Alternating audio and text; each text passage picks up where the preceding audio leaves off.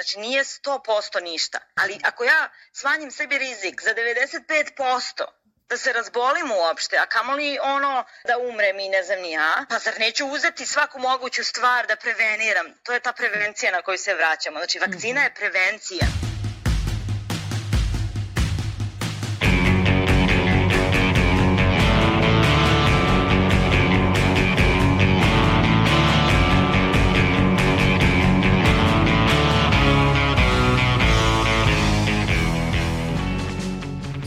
Slušate podcast Reagu i nezavisnog društva novinara Vojvodine.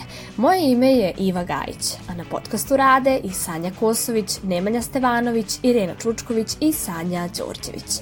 Za nekoliko meseci biće dve godine od kako je pandemija koronavirusa pogodila svet. Skoro godinu dana dostupna je vakcina koja bi trebalo da omogući povratak u normalnost. Ipak, oni kojima je taj povratak možda i najviše potreban, mladi, najčešće odlučuju da se ne vakcinišu.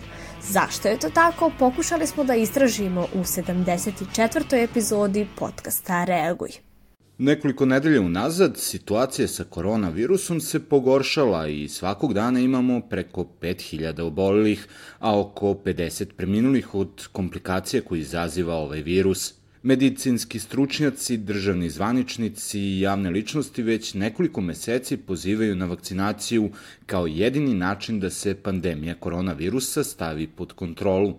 Od početka godine dostupne su četiri vakcine u Srbiji. Agencija za lekove i medicinska sredstva Republike Srbije potvrdila je bezbednost, efikasnost i kvalitet i izdala dozvolu za upotrebu sledećih vakcina. Pfizer-BioNTech, Sputnik V, Sinopharm, Oxford, AstraZeneca. Svaka vakcina protiv COVID-19 koja je odobrena od strane Nacionalnog regulatornog tela je dobar izbor, navodi se na sajtu vlade Srbije posvećenom vakcinaciji. Ipak, prema dostupnim podacima, svega 20% mladih od 18 do 30 godina u Srbiji se vakcinisalo. Studenti u Beogradu su početkom godine igrali kolo uz pesmu Neće gara da primi vakcinu, ne veruje u svetsku medicinu. Kako bismo saznali zašto mladi ne veruju u efikasnost vakcina, pitali smo ih. Razlozi koji oni navode da se ne vakcinišu su različiti. Prvi razlog je nepoverenje u vlast, političare, politički naklonjene naučnike. Drugi razlog je to što je u pitanju novi virus o kome ništa nismo znali, a informacije o njemu koje su dolazile do javnosti bile su nedosledne. To je dodatno izazvalo nepoverenje kod mladih. Nisam se vakcinisala jer mislim da uh, stručnjaci nisu dosledni informacijama koje šalju građanima i da ih često menjaju, na primjer za trudnice su prvo pričali do, do trećeg meseca ne treba da se vakcinišu, pa onda da treba, pa onda da treba samo dve doze, pa onda da treba tri, pa onda da treba na šest meseci i onda dok se ne dogovore šta je ovaj, najbolji način kako treba da se vakcinišemo, do tad neću da primim vakcinu. Jedna od lelujavih informacija bile i da su mladi otporni na virus, dok nije došao delta soj. Pre svega se nisam vakcinisao iz razloga zato što imam pravo izbora i zato što mislim da mladi nema potrebe da se vakcinišu. A druga stvar, zbog toga je mladi imaju dovoljno jak imunni sistem, to je imunološke ćelije, da se samo izbore protiv tog virusa. Jedan od glavnih razloga jeste i bojazan od nuspojava za koje naši sagovnici tvrde da nisu dovoljno istražene. Te vakcine što su napravljene e, vrlo brzo i tako to zbog raznih štetnih e, dejstva koje jesu ili nisu e, prisutne pri vakcinaciji, to je posle vakcinacije, su jedni od razloga zašto se nisam vakcinisao. Ja mislim da nema potrebe. To što utiče na plodnost. Nisam vakcinisan zato što smatram da nije dovoljno podataka prikupljeno o efikasnosti vakcine. Takođe, šta sam primetio je da su uobičajne nus pojave vakcine, to može da se pogleda na sajtu vlasti. Znači, alergijske pojave su umor, glavobolja, temperatura, bol u mišićima i mučnina. Razlog može da bude i karijera. Surovi uslovi rada koji su ostavljeni milenijalcima i generaciji Z ne dopuštaju mladima vreme za bolovanje. Dok se vakcinišemo na dobrovoljnoj bazi, razboljevamo se nevoljno, stoga imamo prava na bolovanje, ali ne i prava na nuspojave vakcine. Trenutno, iako postoji činjenica da je veći broj vakcinisanih sklono daljem oboljevanju i istim posledicama kao i nevakcinisani, imam želju da se vakcinišem. Trenutno me u tome sprečava odgovoran i brz način života. S obzirom da postoje razne nuspojave koje neko vrijeme onemogućavaju savremen život, tražim pogodan trenutak kada mogu da poklonim svoje zdravlje vremenu. Svesna sam toga i ukoliko bih obolela od korone da to takođe znači bolovanje. Ali to bolovanje prvo nije dobrovoljno, drugo znamo se rok koje prilike dve nedelje bude možda i duže, ali recimo dve nedelje će biti ok. S druge strane, ukoliko budu nuspojave od vakcine, tu se stvarno ne zna se ni rok, niti koje su tačno posledice, ni koliko ih ima, tako da mi je i plus je dobrovoljno. Pored svega toga, to je, znači dobrovoljno sam pristala da mi bude loše i da stopiram svoje vreme. Jedan od razloga je i optimizam izgleda, odnosno prolongiranje. Razlog zašto se nisam vakcinisao je možda neki optimizam jer se nadam i verujem da će se ovo završiti. Što pre i nekako odlažem to vakcinisanje, ali mislim da ćemo morati svi da se vakcinišemo i da je to jedini način da se ovo završi, tako da ću se najvjerojatnije vakcinisati, ali moji razlozi zašto se nisam vakcinisao nemaju veze sa teorijama zavere i brige oko vakcine, već jednostavno eto tako, ne znam, nisam imao potrebu da se vakcinišem zbog sebe, ali zbog drugih bi to trebalo definitivno. Koleginica Irena Čučković je razgovarala sa predstavnikom omladinske organizacije koja je svakodnevno u kontaktu sa mladima, a u poslednje vreme i po pitanju vakcinacije. Irena, s kim si je razgovarala i šta kaže? Stefan Štrbac iz Centra za omladinski rad objašnjava da najčešći razlozi zbog kojih mladi ne žele da se vakcinišu uključuju neku vrstu straha ili sumnje u sam proces vakcinacije šta je zapravo vakcina, koju, kojim vakcinom sad da se vakcinišu, jer to stvarno neophodno, kako su te vakcine nastale i tako dalje. Znači, to nekako neznanje i strah šta se može dogoditi i kao da li će to da im naškodi, da li će dobro da im donese. Znači, sete nekih pitanja uh, koji ih zapravo nekako sprečavaju da, da se odluče za taj korak. Stefan Štrbac kaže i da je jedan od razloga zbog kojih mladi imaju skepsu prema vakcinaciji to što tema vakcinacije nije dobro iskomunicirana. Mislim, mi imamo od, od početka uh, pandemije, od početka ono, korone različite priče za mlade, od toga da mladi ne treba da se brinu, ovaj, oni ne oboljevaju jako, da ne znam, oni su samo tako prenosioci, ali njima ništa neće biti, pa gde smo sada da su mladi jedna od najugroženijih grupa, da moraju da se vakcinišu i tako dalje. A, tako da mislim da ni od početka, ni do sada niko nije nekako vrlo jasno e, odgovorio na sva ta pitanja koje nekako mlade muče, e, neko u koga mladi veruju, u koga imaju poverenja, ne znam, istraživanja, recimo kom si radio, pokazuju da mlade ne, ne veruju ovaj, ne znam, državnim institucijama, vladi, predsedniku i svim nekim ljudima koji se danas pojavljaju na televiziji i saopštavaju te informacije. Tako da, s jedne strane nisu ni pojašnjene, a sa druge strane nisu ni prenete od strane onih kojima bi mladi nekako dali to svoje poverenje. Štrbac navodi i da među mladima koji su se vakcinisali ili to planiraju postoje dve grupe. Oni koji zaista imaju pozitivan stav prema vakcinaciji i oni koji su pod znacima navoda naterani da to urade. Mislim da mladi koji imaju pozitivan stav prema vakcinaciji su pre svega mladi koji e, su ne, ne, nekako pronašli e, tu nišu u kojoj mogu da se informišu i u kojoj i pronašli su izvore informacijama kojima, kojima oni veruju i koji su nekako ne kažem plasirali, ali informisali građane o tim temama i onda su oni nekako uvereni da je to ispravno zbog toga što jel, su im i ranije nekako verovali Zatim to su mladi koji su često na nekim studijama koji imaju dodira sa medicinom ili vakcinama ili ne znam, biologijom i tako dalje. Znači negde e, kroz svoje formalno obrazovanje zapravo uče šta je to zapravo vakcina, šta je pandemija, koje su posljedice ovoga i onoga da su nekako kroz to osigurani ili posjeduju u svojoj okolini, imaju u svojoj okolini neku osobu koja je stručna u tome da bilo da je to njihov roditelj, neki dobar prijatelj, poznanik, koji zapravo ra, možda bio u direktnom kontaktu e, sa ljudima koji su COVID boleli, možda radi to profesionalno, znači posjeduju neko znanje i tu osobu prepoznaju kao e, pouzdani izvor informacije i veruju da je zapravo vakcina pravo rešenje. Čuli smo šta kažu mladi i koji su razlozi zašto se oni nisu vakcinisali ili jesu. Međutim, hajde da vidimo šta kaže onaj deo stanovništva koji ima najviše znanja o ovome.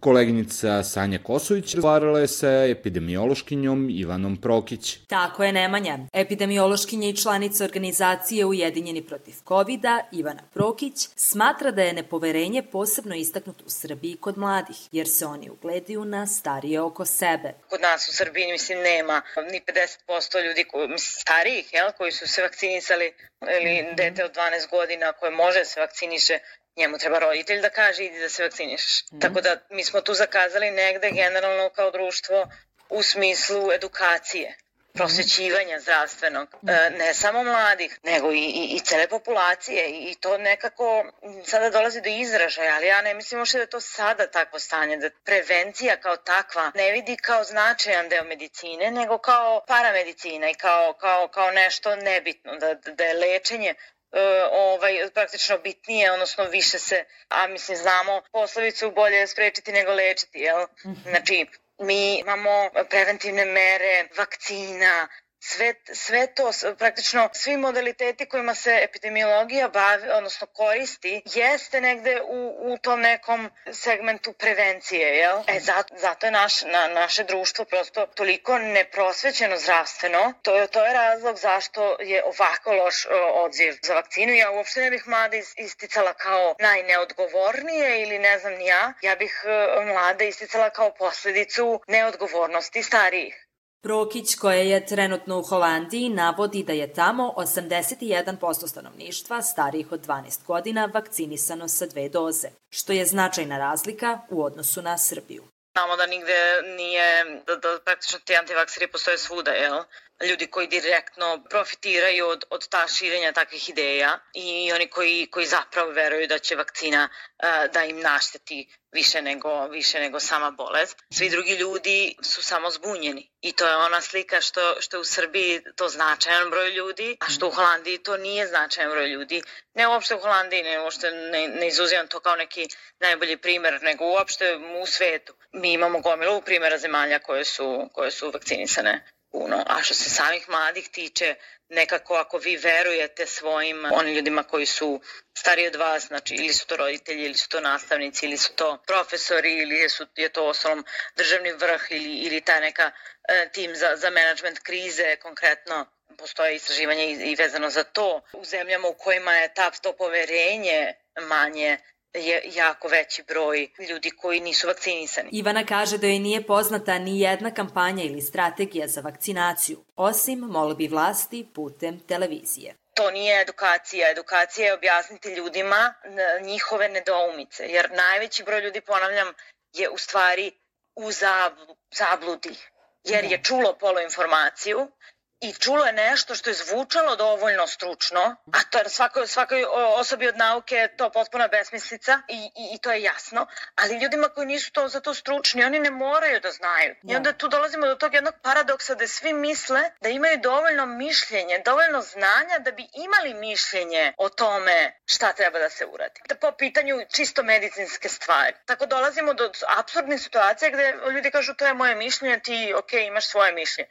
Ne, mi smo daleko od toga da, da smo prosvećeni dovoljno da ljudi mogu da imaju svoje mišljenje i uopšte za biranje vakcina ili za bilo koji ovaj aspekt te vakcinacije ne mislim da je dobro sproveden. Svaka vakcina protiv bolesti COVID-19 navodi se na sajtu vlade Srbije, prolazi rigorozna ispitivanja kako bi se osigurala njena bezbednost pre nego što počne da se primenjuje. Oni navode da svaki proizvođač vakcine ispunjava stroge kriterijume koji uključuju sisteme kontrole kvaliteta i bezbednosti u procesu proizvodnje, kao i sisteme nadzora nad svim procesima.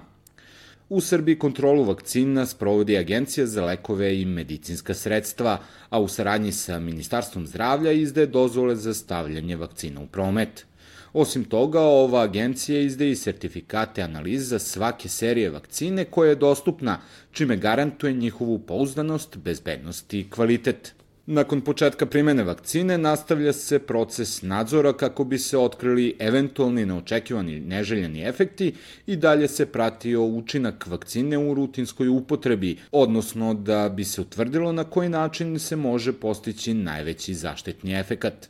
Kada je u pitanju sadržaj vakcine, one sadrže žive ili mrtve viruse ili bakterije koje uzrokuju bolest, njihove delove ili informacije za stvaranje njihovih delova u ćeliji čoveka i po tome se razlikuju trenutno dostupne vakcine u Srbiji. Međutim, i pored svih ovih informacija koje može svako da proveri na raznim medicinskim sajtovima, dolazi do dezinformacija – Koleginica Iva Gajić je razgovarala sa koleginicom sa jednog od nekoliko fact-checkerskih portala. Iva, s kim si je razgovarala i šta kaže? Nemanja, razgovarala sam sa Marijom Vučić, novinarkom portala Raskrikavanje. Ona kaže da nisu samo dezinformacije te koje mlade ljude odlače od vakcinacije, ali da ipak imaju veliki udeo u tome. Ne bih rekla da su isključivo dezinformacije same po sebi te koje mlade ljude, da tako kažemo, odvraćaju od vakcinacije.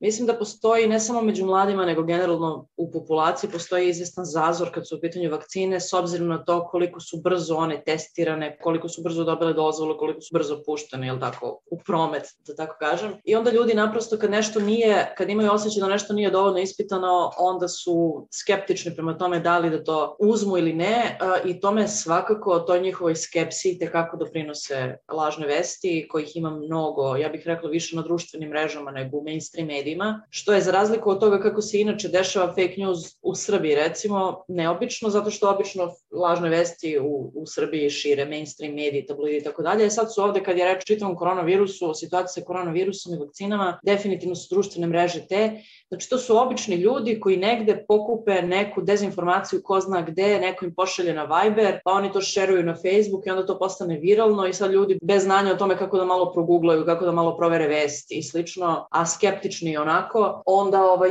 je to dovoljno da oni kažu sebi, ok, ovo je definitivno opasno za mene.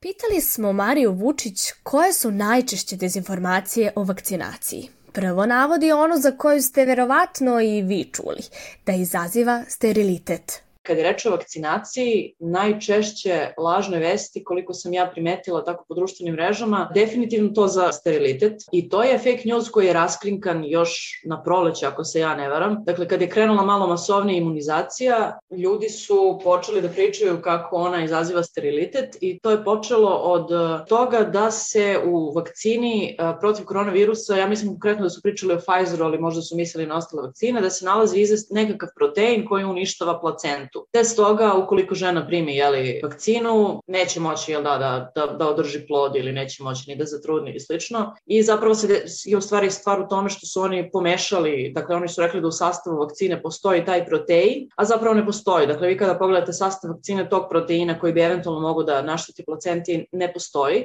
ali sve jedno, dakle, dezinformacija se zavrtela i sad vi imate gomilu ljudi koje veruju u to da će vakcina da izazove sterilitet. To naravno za to ne da nema dokaza, nego dokazano nije tačno. A sa druge strane je dokazano da je tačno da koronavirus može da izazove sterilitet kod muškaraca. A, prema nekakvoj studiji koja je rađena, ja mislim u Iranu ili negde, zavisi naravno i od toga koliko dugo vam je trajala bolest, jel da, kao muškarcu, koliko je bila ozbiljna, koliko simptomi bili ozbiljni i slično, dakle nije univerzalna stvar, ali je primećeno da kod nekih muškaraca više od 500%, ja mislim, može da smanji pokretljivost spermatozoide ili, ili tako nešto. Dakle, u principu je dokazano da, da koronavirus, ukoliko ga zakačite, može da izazove probleme sa, sa plodnošću, ali ne i sama vakcina. Ipak, zabluda o sterilitetu nakon vakcinacije nije jedina lažna vest koja kruži internetom. Osim steriliteta, imamo naravno sad one viralne video snimke gde se neki ljudi lepe za sebe neke metalne predmete i tvrde da je to dokaz da su nam preko vakcine ubačeni metalni čipovi, magnetni čipovi kakvi god i da se sad lepe metalne stvari za telo. Što takođe nije tačno, ovaj, kažu jeli naučnici, ne kažem ja, mislim i kao novinari, ja nemam tu ekspertizu da utvrđujem da li je tačno ili nije, ali oni naučnici koje sam imala prilike da vidim i koji su, kako bih rekla, relevantni, naprosto objašnjavaju da je moguće da vam se mali objekti zaista zalepe za telo telo zbog malog stepena napona ili zbog vlažnosti kože i slično, to definitivno nema veze sa čipovima i sa, sa, sa bilo čime. A, tako da vidim da sad recimo u poslednjih meseci su neke društvene mreže kao YouTube, na primjer, krenuli su da uklanjaju te de, dezinformacije o, o vakcinama, ljudi se sa druge strane bune, tvrde da je to cenzura i da je to zapravo dokaz da su oni u pravu, ali jel da, globalne sile neki interesni krugovi koji nam guraju te vakcine da bi nas sterilisali, da bi pobili stanovništvo i slično, ne žele da se to vidi, pa zato ono, društvene mreže nas cenzurišu i tako dalje i tako dalje. Kao što smo imali dezinformacije o koronavirusu kad se on pojavio, od toga da možete da ga lečite belim lukom do, ne znam ja, nekih ozbiljnijih stvari, isto tako sada je malo više fake newsa u oblasti vakcinacije. Čak i kada se lažne vesti raskrinkaju, sama dezinformacija će stići do većeg broja ljudi. Kao rešenje, novinarka Vučić naglašava borbu, kako novinara, tako i institucija, naročito uvođenjem predmeta medijske pismenosti u škole. Od subote 23. oktobra za ostanak u ugostiteljskim lokalima nakon 22 časa potrebna je COVID propusnica koja je ili dokaz o vakcinaciji ili dokaz o negativnim testovima na koronavirus – Već tada je stotinak nezadoljnih građana uz nacionalističke pesme i povike o negiranju postojanja virusa protestovalo u većim gradovima u Srbiji. Koleginica Sanja Đorđević je trenutno u Nemačkoj. Sanja, kakva je situacija tamo? Pa Nemanja, ovakva je situacija. Usled nedostatka dezinformacija u Nemačkoj je trenutno stopa vakcinisanih 66%. Međutim, nije zlato sve što sija. U avgustu ove godine u Berlinu su održani protesti protiv COVID mera koje naročito targetiraju nevakcinisane. Sud nije dozvolio da se protesti održe. Kako su maske redko nošene i distanca slabo držana, policija je pokušavala da nagovori građane da maske stave. Jedna osoba je poginula, a više ljudi je povređeno sa obe strane. Više od 600 ljudi je bilo uhapšeno. Kada su u pitanju COVID propusnice koje kod nas tek sad postaju aktuelne, mogu vam ispričati svoju kratku anegdotu. Kada sam pre mesec dana u Berlinu pokušala da uđem u klub, na ulazu su mi tražili COVID sertifikat i kontakt podatke. Osoba iz obezbeđenja me je ispratila do ulaza i pitala gde je moj sto. E, kada sam mu rekla da nemam rezervisano, objasnio mi je da svako mora da ima sto i da niko ne sme da stoji, jer su takve mere. Operacija bezuspešna. U svakom slučaju u Nemačkoj se prilikom ulaska u restoran uveliko traži COVID sertifikat. Kada niste za stolom, morate imati masku. U Berlinu se na svakom stolu u kafićima nalazi QR kodovi koji kada se skeniraju otvaraju formular koji traži kontakt podatke, da ukoliko se desi da neko ko koji je tu boravio bude pozitivan, ostali budu obavešteni o tome. Pre odlaska u muzej ili na festival neophodno je registrovati se unapred kako se u jednoj prostoriji ne bi zateklo previše ljudi. Ova pravila nazivaju se 2G ili 3G i na preduzećima je da izaberu i naznače koje će mere koristiti. Ako firma izabere 2G pravilo, ono znači da pristup imaju samo oni koji su vakcinisani i koji su preležali, ali zato maska se može skinuti i distanca nije neophodna. 3G obuhvata i testirane osobe. E sad, brzi antigenski test od oktobra više nije besplatan za one koji nisu vakcinisani zbog opredeljenja. Razlog ovome je što su vakcine sada svima dostupne i besplatne, pa nema potrebe trošiti novac građana na česte testove pojedinaca. Pravo na besplatno testiranje i dalje imaju deca ispod 17 godina, osobe koje nisu mogle da se vakcinišu iz medicinskih razloga, za potrebe izlaska iz karantine i za strane studente čija vakcina nije priznata u Nemačkoj. Brzi testovi mogu da koštaju od 12 do 50 evra, dok PCR testovi koštaju od 44 do 100 evra. Ako je brzi test pozitivan, PCR se može uraditi gratis. Supermarketi u Frankfurtu i okolini od nedavno mogu da zabrane nevakcinisanima da uđu, što će omogućiti vakcinisanima da ne nose maske prilikom kupovine. Mere se poštuju. U javnom prevozu, osim za karte, postoji kontrola za nošenje maske, koja opominje građane. Na razglasu se podsjeća na nemačkom i engleskom da je nošenje maske sa najvećim stepenom zaštite obavezno. Insistira se na FFP2 maskama. Čak mi se jednom dogodilo da ne mogu da uđem u supermarket jer imam samo pamučnu masku. Sve se ovo dešava u društvu u kojem je 66% vakcinisano sa obe doze. Sa druge strane, neki lokali u Beogradu, Novom Sadu i Nišu već neko vreme su samo inicijativno odlučili da u svoje prostorije puštaju samo vakcinisane. Jedan od takvih lokala je Novosadski dom B612. Irena, kako su došli do ove odluke? Nataša Ivaneža iz doma B612 kaže da su ovakvu odluku doneli pre svega iz bezbednostnih razloga. Pa mi smo odluku o tim COVID propusnicama doneli mislim predno dve, tri nedelje, odnosno bar jedno, dve nedelje pre nego što je država to uradila u ovom obliku kom je uradilo. I u principu mi nismo, nismo tražili COVID sertifikate u onom što traži država sada, mi smo samo hteli da ljudi pokažu da su imali barem, barem jednu dozu vakcine, što nam je negde bio indikator da će se naravno vakcinisati drugom ili trećom dozom.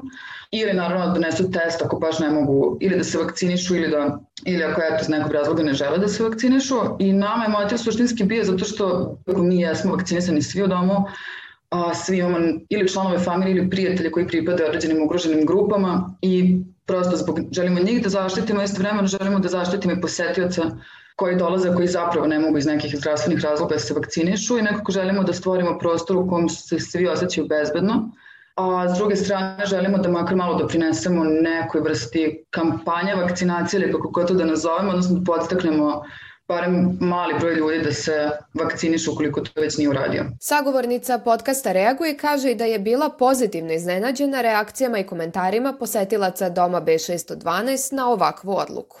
Nekako smo očekivali mnogo žešću reakciju, to bar na društvenim mrežama, međutim reakcije su bile većinski baš pozitivne i to nas se baš iznenadilo i jako nam je drago zbog toga. Drugačija situacija malo u realnosti, mislim da se ljudima necima toliko da moraju da spreme neki papir za izlazak ili nešto, to jest nisu dalje navikli na tako, tako neku pripremu za izlazak. Um, tako da mislim, imam utisak da je barem malo smanjen broj posetilaca zbog toga, ali suštinski poprilično veliku podršku smo dobili zbog toga što radimo.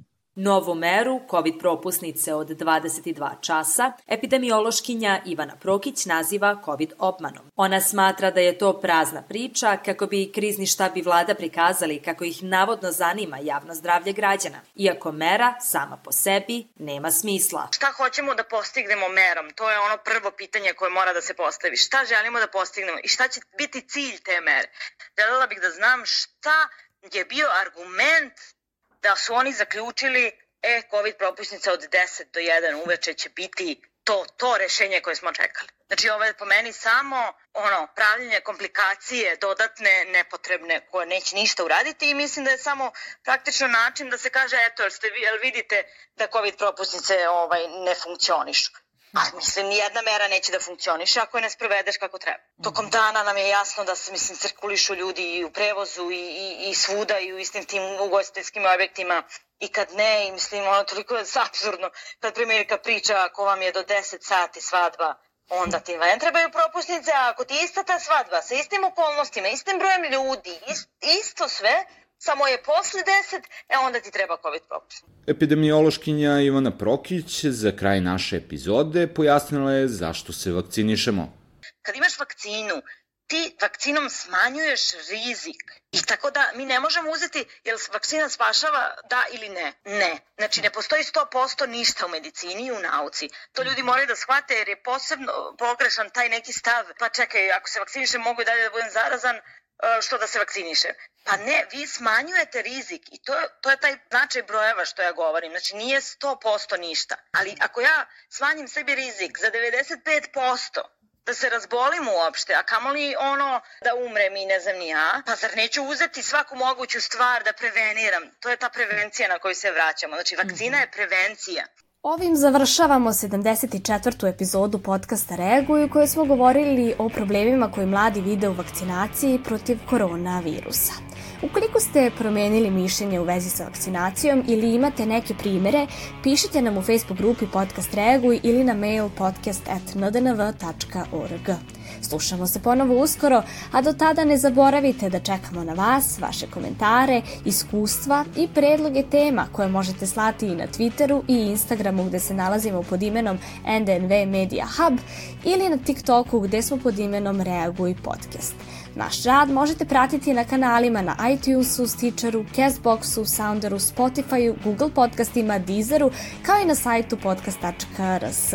Ukoliko želite da nas podržite, uradite to baš šerovanjem, komentarom, deljenjem svoje priče ili preko sajta donations.ndnv.org.